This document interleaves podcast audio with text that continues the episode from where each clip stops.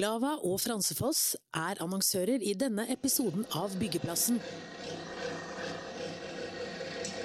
Hva ligger i statsbudsjettet, og hvordan vil det påvirke byggenæringen i tiden fremover?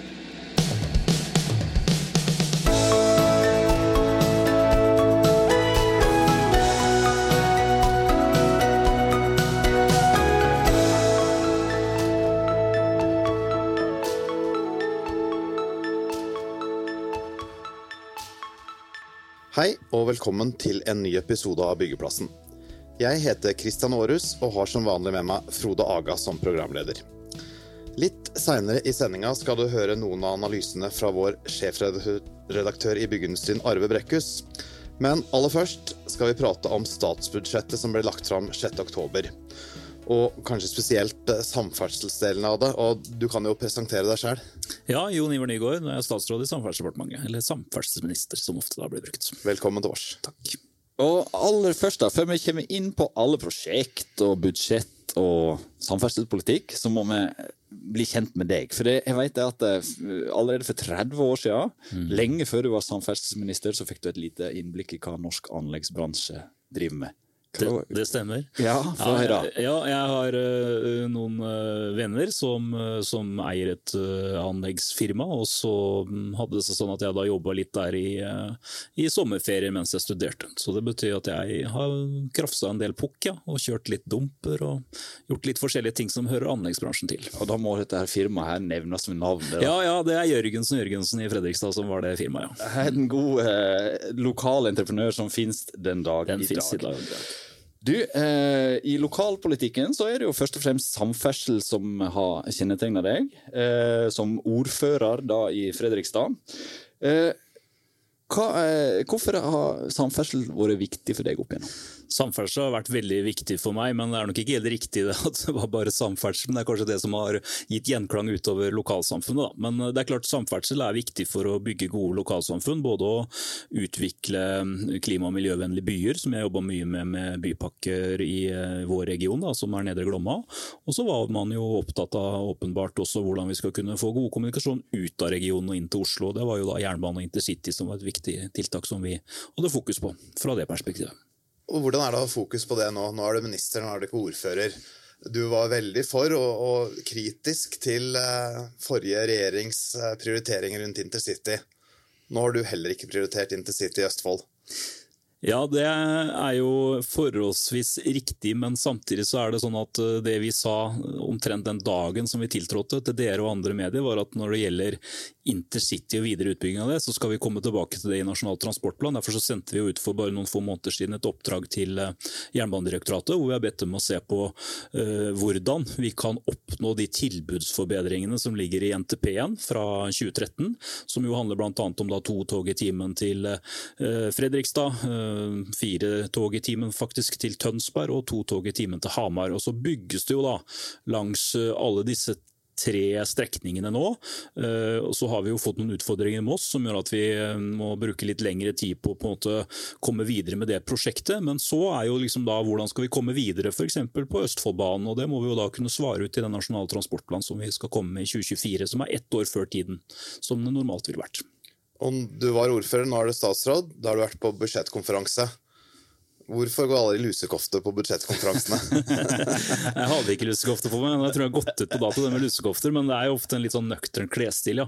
Nei, det handler jo om at vi eh, i en eh, setting selv i et sånt veldig rikt land som Norge må prioritere pengebruken ganske, ganske tøft. Og særlig i en sånn situasjon som vi er nå, hvor eh, selv om vi har mange ressurser og mye penger i norsk økonomi, så er vi jo i en situasjon hvor vi ikke kan bruke dem på samme måte. For vi ønsker å bidra til å dempe dempe prispresset, og ønsker heller ikke å bidra til at renten stiger mer enn det som er nødvendig. Og Da er det jo riktig på et sånt sektordepartement som jeg har, som både da liksom sitter med altså Vi sitter på en måte både med brems og gass, eh, og nå er vi i en situasjon hvor vi må bremse. og Da er det jo riktig at vi holder tilbake på nye prosjekter i vår sektor.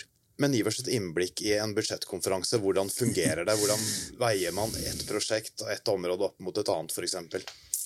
Det er jo sånn i en budsjettkonferanse at du går inn med eh, noen rammer som du har med deg fra fjoråret, som er justert litt med såkalte konsekvenser. Altså Dvs. Si at det kan være eh, noen av de grepene du gjorde på fjoråret som får betydning for det neste året. Og så går du jo da inn med eh, forslag til kutt som alle departementer får, og så går du inn med forslag til såkalte satsinger som er nye ting som et departement ønsker seg. Eh, og så vil jo i disse prosessene da både være prioriteringer ut fra hva den totale økonomien tåler, og selvfølgelig prioritering av et politisk profil. Eh, nå var det jo sånn at eh, byggeprosjekter, enten det var da eh, rene bygg, altså kontorbygg, den type ting, universitet, høyskolebygg, sannsynligvis også sykehusbygg, og også da anlegg fra vår sektor, altså veier og bane, som på en måte har måttet da tåle en tøffere prioritering, at færre prosjekter starter opp. Vi tar en kort pause fra byggeplassen for å høre fra våre annonsører. Fyrer du for kråka? Ja, tusen takk til alle sammen! Visste du at bare én av fem faktisk etterisolerer når de pusser opp? Det er bra! Norge kan ikke fyre seg ut av energikrisa. Jo da! Vi må isolere problemet. Til alle som fyrer for kråka, sjekk det siste inninstallasjon på glava.no. Glava isolasjon. Fryktet av kråka siden 1935. Og da er vi tilbake på byggeplassen. For du, vi har, du er den fjerde ministeren vi har hatt med i podkasten her, og alle de andre gangene så har det stort sett kommet noe nytt. Ikke så mye den gangen her, og du var tidlig ute med å si fra at det ikke nødvendigvis kom så mye. Har det vært med på å ta ned forventningene til hva som ville komme? Ja, men det var jo hensikten òg. Det, er jo, det er jo to, det er to hovedelementer i dette. her, ikke sant? Det ene er jo at den nasjonale transportplanen vi har, den er jo basert på en fortsatt kraftig opptrapping av pengebruk til samferdsel. Og Det har det jo vært gjennom mange år nå, og det har vært riktig. og Det har det vært bred politisk tilslutning til. Eh, og Det var også for så vidt bred politisk tilslutning til å fortsette den opptrappingen. Men det som på en måte er en sånn bitte liten hunch, som ikke så mange snakker om, det er at det var jo lagt fram en perspektivmelding eh, i forkant av dette igjen, som sa at handlingsrommet i norsk økonomi kunne bli sånn om lag 4 milliarder kroner framover. Og da var det vel ikke spesielt sannsynlig at samferdsel skulle stikke av med halvparten av den pengepotten da. Og nå er det ikke sannsynlig i det hele tatt, for nå er vi jo en helt ny situasjon hvor, hvor, vi er nødt til å holde tilbake den offentlige pengebruken. og Da, da, da, blir, jo, da blir jo vår utfordring at mange av de løftene som, som er gitt og forventninger som er skapt, de er basert på en kraftig opptrapping i pengebruk. Og det kommer ikke. Og Da var det riktig altså, å dempe forventninger. Og så da eh, kommer jo dette budsjettet, eh, de forventningene var ganske lave. Og så ender det opp med å utsette fire eh, prosjekt som Vegvesenet har kalt gryteklare. Eh, Oslofjordtunnelen øverst på den lista. Hvor eh, rasjonelt, da, hvis du vil bygge mer vei for pengene, er det å sette gryteklare prosjekt på vent? Ja, Det er jo bare en konsekvens av at når vi nå skulle holde tilbake offentlig pengebruk, så må du jo stanse de prosjektene som ligger klar for å bli putta opp i gryta. Og så er det noen prosjekter som er i gryta, eller kanskje i ferd med å falle ned i gryta. Det har vi valgt å fullføre. Men så er jo ikke dette bildet så helt uh, unyansert heller, fordi det er tross alt sånn at uh, selv om disse da, uh, prosjektene øverst på Statens vegvesen sin portefølje ikke starter opp, så er det jo en rekke mindre prosjekter som starter opp. og Statens nye Veier starter opp tre prosjekter. Det startes opp et OPS-prosjekt, Hålogalandsveien. Så det er også noen prosjekter som starter opp. Mm. Uh, og så er det jo veldig viktig da, i en sånn type debatt og diskusjon vi har nå, å også egentlig ha litt fokus på at det er, ja, det er mellom 40 og 50 store prosjekter som er i gang. Altså Hvis vi tar med både veiprosjekter og baneprosjekter. Og Det er jo litt av utfordringen nå, at vi må gjennomføre det som er i gang òg, før vi kan dra i gang med noe nytt, sånn som økonomien ser ut nå. Et av de prosjektene som uh, har skapt overskrifter, Oslofjordtunnelen. Uh, kritikk kom det bl.a. fra Norsk Lastebileierforbund. De mener at det er flaks at menneskeliv ikke har gått tapt i tunnelen til nå. Er dette her noe du bekymrer deg over òg uh, når den blir satt på vent ytterligere noen år? Altså, vi er jo helt enig i virkelighetsbeskrivelsen knytta til de prosjektene. At de er helt nødvendige og viktige prosjekter. Så det er, jo, det er jo ikke det. Det er jo ikke det som er utfordringen her. Utfordringen her er at vi klarer ikke å løfte og finansiere de nå. Uh, og Det betyr jo ikke at ikke vi anerkjenner at dette her må komme på plass. Og det betyr heller ikke at vi ikke anerkjenner de utfordringene som er knytta til å utsette mm. prosjektene. Så det er jo ikke det det går på. Men uh at det kommer en eller annen gang det, og det kommer flere muligheter i neste Ja. statsbudsjett, har du sagt uh, tidligere. Det kommer flere muligheter i neste statsbudsjett, men så skal vi jo også gjøre en, eh, en rullering av Nasjonal transportplan på et tidligere tidspunkt. Og Det er jo fordi at vi mener at den planen som ligger der nå er urealistisk sett med særlig dagens øyne, og ønsker å gjenreise Nasjonal transportplan som et mer troverdig styringsdokument. Vil si at vi vil ha mindre preg av ønskeliste med prosjekter som eh, man tror halvveis på man putter det inn. Det bør være sånn at når de kommer inn i Nasjonal transportplan, så bør de komme. Så klart så kan det jo skje ting i verden, og det har jo skjedd nå, da. Men hvor tidlig i NTP kommer da disse gryteklare prosjektene som vi har snakka så mye om, hvor samfunnsnytten tydeligvis er stor? Du har et prosjekt i Nord-Norge hvor det er en elleve timer omkjøringsvei gjennom Sverige. Ja, det er eh, mange av disse prosjektene som er veldig nødvendige og som har høy prioritet, og det vil de jo ha. og Det, vil jo være sånn at vi skal lage statsbudsjett før NTP òg, men vi vet ikke så veldig mye om hvordan handlingsrommet blir framover. Vi lever jo, vi må bare erkjenne, vi lever i usikre tider. Um, krig i Europa, energipriser som skyter i været, inflasjonspress. ikke sant? Dette her gjør jo at vi, og, og vi ser nå senest på nyhetene i går, at uh, man snakker om, om uh, om en, en, en endring i verdensøkonomien som nå går i negativ retning. Og så Vi vet jo egentlig ikke så veldig mye om hvordan dette budsjettet for 2024 blir engang. Så kortsiktig ser verden ut nå. Så det kan godt hende at vi får handlingsrom, men det kan jeg ikke stå her og love nå. Og så, eh, når vi snakker om overskrift i stad, så var det Hallingdølen, tror jeg, som Ja. hadde det store togrøveriet. Det var jo en veldig morsom forside. Jeg syns det var en veldig fin forside. Ja, Vi får beskrive det for lytterne våre. Det var jo nesten med filmplakat, og så kalte de dette her for Det store togrøveriet. Store togrøveriet, Da var Jonas og, og undertegnede og Trygve Ved, Slagsvold Vedum da, som var avbildet der. Ja. To terningkast én var vel også Det på var jo også beskrivelsen, ja. ja. Så får vi se da hvordan oppfølgeren blir, og hvordan terningkast det får. Men Kan uansett, neppe bli da. verre, for å si det sånn. Terningkast. Eh, Ringeriksbanen eh, skaper overskrifter, og den er interessant. Og spesielt interessant i vår bransje, da. For der gjorde jo den forrige regjeringen et grep. De flytta den over fra Bane NOR til Nye Veier. Skapte òg store overskrifter. Fikk ingen terningkast akkurat den gangen, men du gir det på en måte terningkast én, akkurat den beslutningen, virker det som. For nå reverserer du den. Ja, jeg mener at vi bør sånn helt prinsipielt samle det jernbanefaglige miljøet hos Bane NOR. Det er de som har best kompetanse på å bygge jernbane. Og så er det jo sånn at et, et, en hovedutfordring for mange store prosjekter nå er jo rett og slett hvor mye eh, penger de drar i finansiering. Dette prosjektet ligger på sånn ca. 36 milliarder. Og uansett hvordan man snur og vender på det, så hadde jo ikke den forrige regjeringen heller finansiert det prosjektet. Det lå en oppstartsbevilgning på det. Så her vil man jo uansett komme til den litt ubehagelige situasjonen da, at det er vanskelig å prioritere inn et så stort prosjekt. Og når vi da splitter prosjektet, så kan man jo jobbe med prosjektene hver for seg, og så kan det jo hende at man kan få på plass ett av prosjektene tidligere enn noe annet. Det vet vi ikke nå, men vi er optimistiske med tanke på at både Bane NOR og Nye Veier kan jobbe med å ytterligere optimalisere det. Og når du snakker om optimalisering, så vet jo i hvert fall dere at det betyr ikke nødvendigvis å gjøre prosjektet mer glansa, men at man rett og slett kan kutte i kostnader. Rett og slett bruke ja, krysningsspor, enkeltspor i større grad enn å bygge fullverdig dobbeltspor på hele jernbanestrekningen f.eks. Men når kommer da ei Ringeriksbane? Det er jo det alle lurer på. Ja, Alle lurer på det, eh, men eh, når man nå gjør eh, dette valget og overlater det til porteføljen hos Bane NOR og porteføljen hos Nye Veier, så må jo begge de to virksomhetene få tid til å se litt på det og vurdere hvordan prosjektet når opp i porteføljen.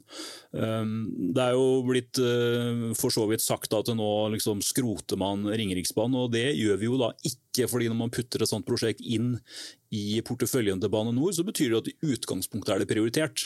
Og så må de jo på en måte eh, bryne seg på de øvrige prosjektene i den porteføljen. Men vi vet jo at de sliter jo i utgangspunktet med økonomi, de Jo, òg. Jo, og, men, ikke sant? men eh, Ringeriksbanen, i likhet med en del andre store prosjekter, må jo tåle å komme inn i den samme prioriteringsdiskusjonen. Og så må det jo også være sånn at når vi lager en ny nasjonal transportplan, så må jo de store prosjektene eh, tåle å komme gjennom en ny prioriteringsdiskusjon. Jeg tror jo ikke at vi har eh, økonomi til å håndtere alle de store prosjektene framover, i hvert fall ikke i det tempo som eh, det har vært lagt opp til. Så er det noe som er prioritert òg. Stad skipstunnel. Hvorfor er den så viktig? Ja, Stad skipstunnel er jo også et prosjekt som har lang forhistorie. og Det er nettopp det perspektivet som jeg snakka om litt tidligere i dag. At noen prosjekter er på en måte sluppet opp i gryta, og noen er ikke det. Derfor så kan man si at det blir litt tilfeldig. fordi at noen av prosjekter har kommet så langt at de har fått da et kostnadsramme vedtatt i Stortinget, og Stortinget har slutta seg til det, så har vi sagt at da mener vi at prosjektet på en måte er igangsatt. Og så er disse prosjektene som vi nå har snakka om tidligere, ikke igangsatt. Og så vil jo man kunne si det at hvis, ja, hvis rekkefølgen på prosjektene har vært litt annerledes, så kunne det sett litt annerledes ut. Så Det er jo ikke, er jo ikke, er jo ikke egentlig en sånn dyp prioriteringsdiskusjon mellom Stad og vei vi har lagt opp til. Vi har tatt de prosjektene som nå står klar for å puttes opp i gryta, de har vi utsatt og venter med å putte opp i gryta. Men er han veldig lett å plukke ut når de skal forhandle med noen? denne her da? Den, den kan vi gi slipp på. Ja, men det, altså, det, vet ikke jeg hva som kan komme opp i diskusjoner i, i forhandlinger med SV, men det er jeg like spent på som det der er. Får vi se hva som kommer. Ja. Men så har vi et annet prosjekt i vest som også har kommet i gang. Man har satt en prosjektorganisasjon, eh, E16 Arna-Stanghelle. Det ble ikke, ikke Det ble også utsatt i denne omgang. Ja. Det ble utsatt, men, men det er jo en konsekvens av at når vi utsetter de prosjektene som ligger helt øverst på prioriteringslista til Statens vegvesen, så får det jo følge for de prosjektene som ligger under òg. K5, som det ofte også omtales som, det er, da, det er jo da et prosjekt som har ferdig reguleringsplan. Og vi skal gå i gang med KS2. Så det er jo ikke sånn at liksom, vi legger ikke liksom helt ned i bunnen av en skuff. Det, det pågår prosesser fortsatt, sånn at det prosjektet ligger der og kan diskuteres for prioritering i kommende statsbudsjetter. Vi tar en kort pause fra byggeplassen for å høre fra våre annonsører. Ja, hva har vi her da? Oi, uff da, her har det nok røket på et bygg- og anleggstraume. Ja, nei, dette her kan nok være et symptom på nå flyter jaget over med avfallpanikk. Dette må nesten gjøre noe med før du utvikler posttraumatisk byggeprosjektlidelse. Ja. Nei, jeg skriver ut en fransefoss til deg, jeg, så går nok bra. Med Fransefoss kan du være trygg på at avfallet blir hentet til avtalt tid, uten skjulte kostnader og andre overraskelser. Vi kurerer dine avfallsplager. Hilsen Fransefoss. Og da er vi tilbake på byggeplassen. Skal løfte blikket litt, da. Det er jo alltid spennende med, med, med tanke på framtiden i veisektoren og jernbanesektoren. Der har jo det hatt i, i eh, plattform, regjeringsplattformen noen tanker rundt akkurat det. Eh, oppsplitting av jernbanesektoren har det vært kritiske til. Eh, og så er det Nye Veier, da. Mm. kanskje, kanskje trenger vi to eh, byggherrer på veisektoren i riksveinettet? Og Der råder jo ulike syn, det er helt åpenbart. Jeg hadde jo et sånt medvirkningsmøte eller et dialogmøte med ulike interessenter innenfor veisektoren her på vårparten. Og Da var det jo flere som tok til orde for det du sier, at vi trenger ikke to. Mens det var andre som var selvfølgelig veldig varme tilhengere av den modellen. Så jeg tenker at det må vi ta oss litt tid til å jobbe litt mer med. Vi har fått disse innspillene, og departementet jobber noe med det. Um, Det er jo ofte litt sånn feilslutning å tro at den gjennomgangen vi har på veisektoren bare handler om nye veier eller ikke nye veier. Det handler jo også om hvordan vi på en måte får mest mulig ut av ressursene etter at vi har splitta opp uh, Sams veiadministrasjon og fått elleve selvstendige veieiere, som nå blir flere Mm. når fylkesreformen blir endra på igjen. Sånn at det er, Så det er en noe mulighet for en reversering der òg? ja, nei, det har vi ikke tatt til orde for, for vi er, vi er tilhengere av det. Men vi bare ser at når det skjer, så oppstår jo den utfordringen at kostnader går i været hvis man ikke har gode innkjøpssamarbeid og den type ting. Så det er jo en del ting som det går an å se på, som kan bidra til at det der går bedre enn det gjør nå. Mm. Men eh, på jernbanesida, da? Hva skjer der? Ja, På jernbanesiden er vi jo i full gang med å også se på organiseringen. Der har vi jo førstehånd tatt eh, grep rundt at vi stansa konkurranseutsettingen eh, på da de eh, togoperatørsiden, altså på, på persontogtransporten. Det gjorde vi jo egentlig rett etter at vi tiltrådte. og Det betyr jo at en prosess som kunne for så vidt endt opp med at du hadde ja, vi hadde hatt Bergensbanen og that's it, den har jo nå endt opp med at det er de to statlige togselskapene som skal drifte på Østlandet.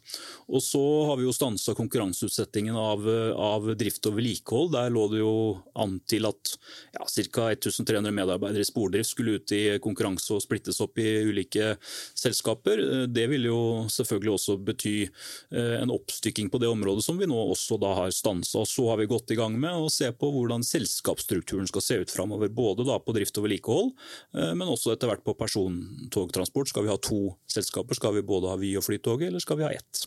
Men så sier du det er usikre tider, du nevner det tidligere i dag. Og så sa du rett etter budsjettet sa du til Vårs at du ikke var bekymra for sysselsettinga i, i anleggsnæringen. Ja, jeg sa det, men jeg sa det på følgende måte. At det er jo sånn at akkurat nå er det uh, nær sagt full kapasitetsutnyttelse i norsk økonomi. Uh, høy sysselsetting. Uh, anleggsbransjen slik jeg oppfatter det, har veldig mange prosjekter i gang. Men jeg har også samtidig sagt at vi må jo følge det her tett, for det er jo usikkerhet i verdensøkonomien.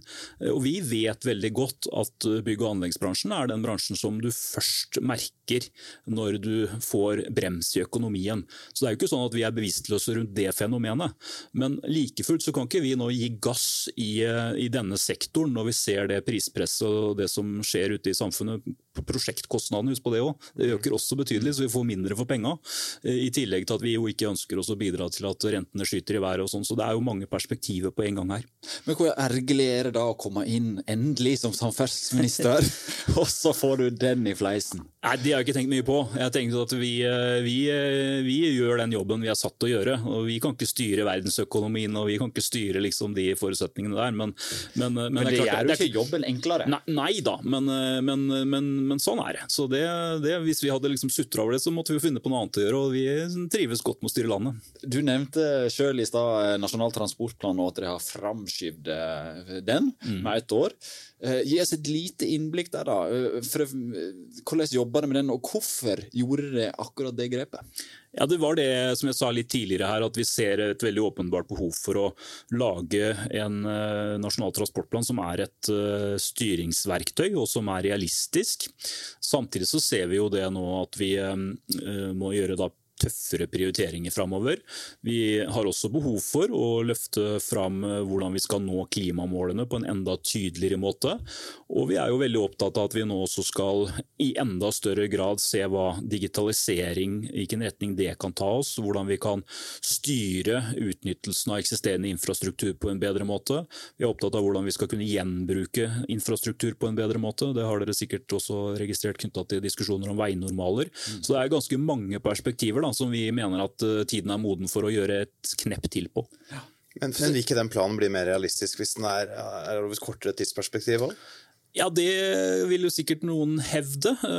Ja, altså hvis du sammenligner med at det kan skje store endringer over lang tid, så er jo det for så vidt riktig. Samtidig så vet jo i hvert fall vi som står her, hvor lang ledetid det er på samferdselsprosjekter. Så det er nok på mange måter klokt å ha en lang tidshorisont på det, men, men, men fortsatt tror jeg tenker sånn at den første seksårsperioden er mer konkret, og den neste er ikke så konkret. Du nevner her at klima blir en del, viktig del av det. Mm. På hva måte vil anleggsbransjen merker det?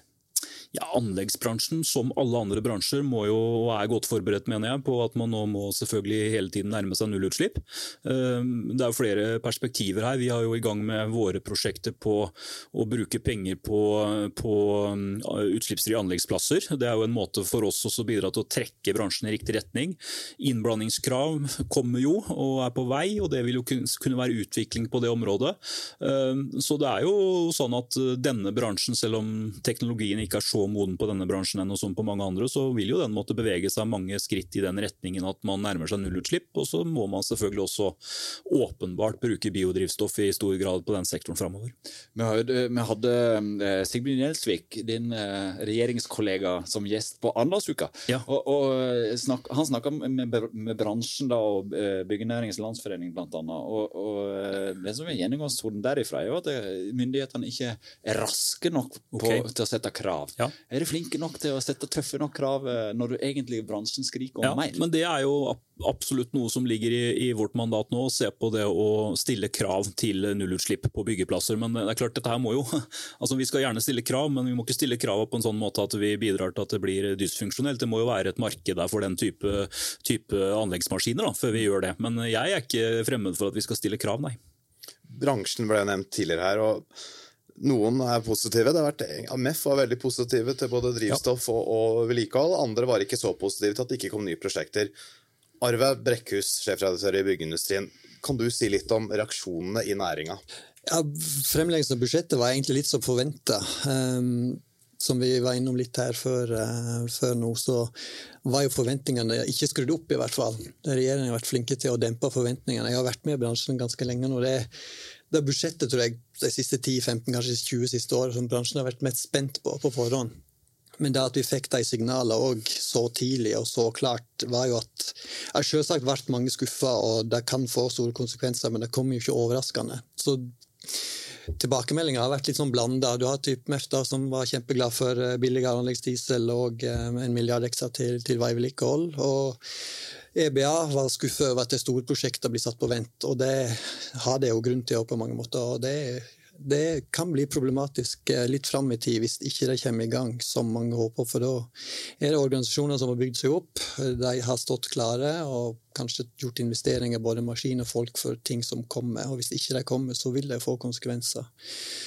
Men så det, så det har vært sånn blanda. Noe har vært bra, og noe har vært skuffende. Og det er ofte de som blir, eh, er mest skuffa, som du hører best. da. Eh, men så en annen ting som bransjen har jobba lenge med, som alle er veldig fornøyd med, det er jo det med momsproblematikken. altså MVA på omtvista krav, at mm. det kan gå mot en løsning. Det er jo noe som Finansdepartementet først og fremst har stritta ganske mye mot. Så det er jo unison jubel for den, i hvert fall. Men uh, det er sånn litt sånn blanda stemning. Du visste at det kom til å bli vanskelig, og det blir vanskelig. Og så blir spørsmålet framme hvor langt fram i tid må vi da før på en måte vi kan sette i gang de gryteklare prosjektene igjen. da.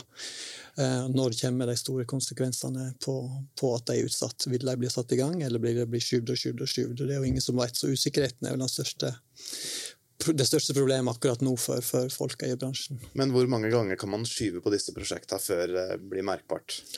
Eh, neste år tror jeg skal gå greit for bransjen. Det er året etter der igjen så blir det store utfordringer. Eh, og da kan det jo komme nye ting som starter opp igjen. Men det er klart det er som vi snakker om, det er lang planleggingstid på disse prosjektene. Så et, et gigantprosjekt som blir satt på vent, det tar lang tid for å få gang toget der til å rulle igjen. Eh, og at det blir billigere med utsettere, det tror jeg i hvert fall ikke. Selv om det har vært spesielle, spesielle tider nå, så jeg var på et seminar på Prognosesenteret i går byggevarekosten kommer ikke tilbake til det den var før pandemien. Når først du får en oppgang, så går det aldri tilbake til det det var. Det er sånne steg som blir tatt underveis der. Så um, det blir ikke billigere å vente, men det er klart du får kanskje mer forutsigbarhet i uh, totaløkonomien, da, som vil bli viktig for å planlegge de store prosjektene. Hva tenker du uh, om den analysen som blir gitt her? Nei, jeg syns den er ganske presis. Jeg tror vi har en samme vurdering av hvordan budsjettet blir mottatt. Og så er det et poeng da, som eh, i så måte må understrekes. Det ene er jo det som jeg sa tidligere i dag, det er så mange prosjekter som er i gang. og så må man ikke da undervurdere betydningen at når prosjekter ferdigstilles, så frigjøres det jo midler, ressurser. Ikke sant? Så det betyr jo ikke at det er helt umulig å komme i gang med nye prosjekter. Før vi setter strek, Eh, hvordan jobber dere videre nå med budsjettet nå fram eh, mot eh, disse forhandlingene som, som er i vente? Ja, Det er sånn at det er det finansfraksjonen i Stortinget som håndterer, og det er Finansdepartementet og Statsministerens kontor som gjør det fra regjeringshold. Og så blir vi selvfølgelig rådført og spurt om å komme med innspill, komme med forslag. fordi da kan det jo oppstå nye ting som man eventuelt ønsker å omprioritere. og Da er selvfølgelig departementet en viktig premissleverandør på det. Hva er du villig til å ofre da? da? Det har jeg i hvert fall ikke tenkt å stå her og si på podkast. Jeg tenker vi sier tusen takk for at uh, du uh, tok deg tid til å være gjest her i Byggeplassen. Um, jeg heter Frode Aga. Vi har hatt Kristian Aarhus uh, som programleder, og Arve Brekkhus har vært en fin analysemaker her på tampen. Takk for at du har lytta på Byggeplassen. Vi er snart tilbake med en ny episode. Glava og Fransefoss var annonsører i denne episoden av Byggeplassen.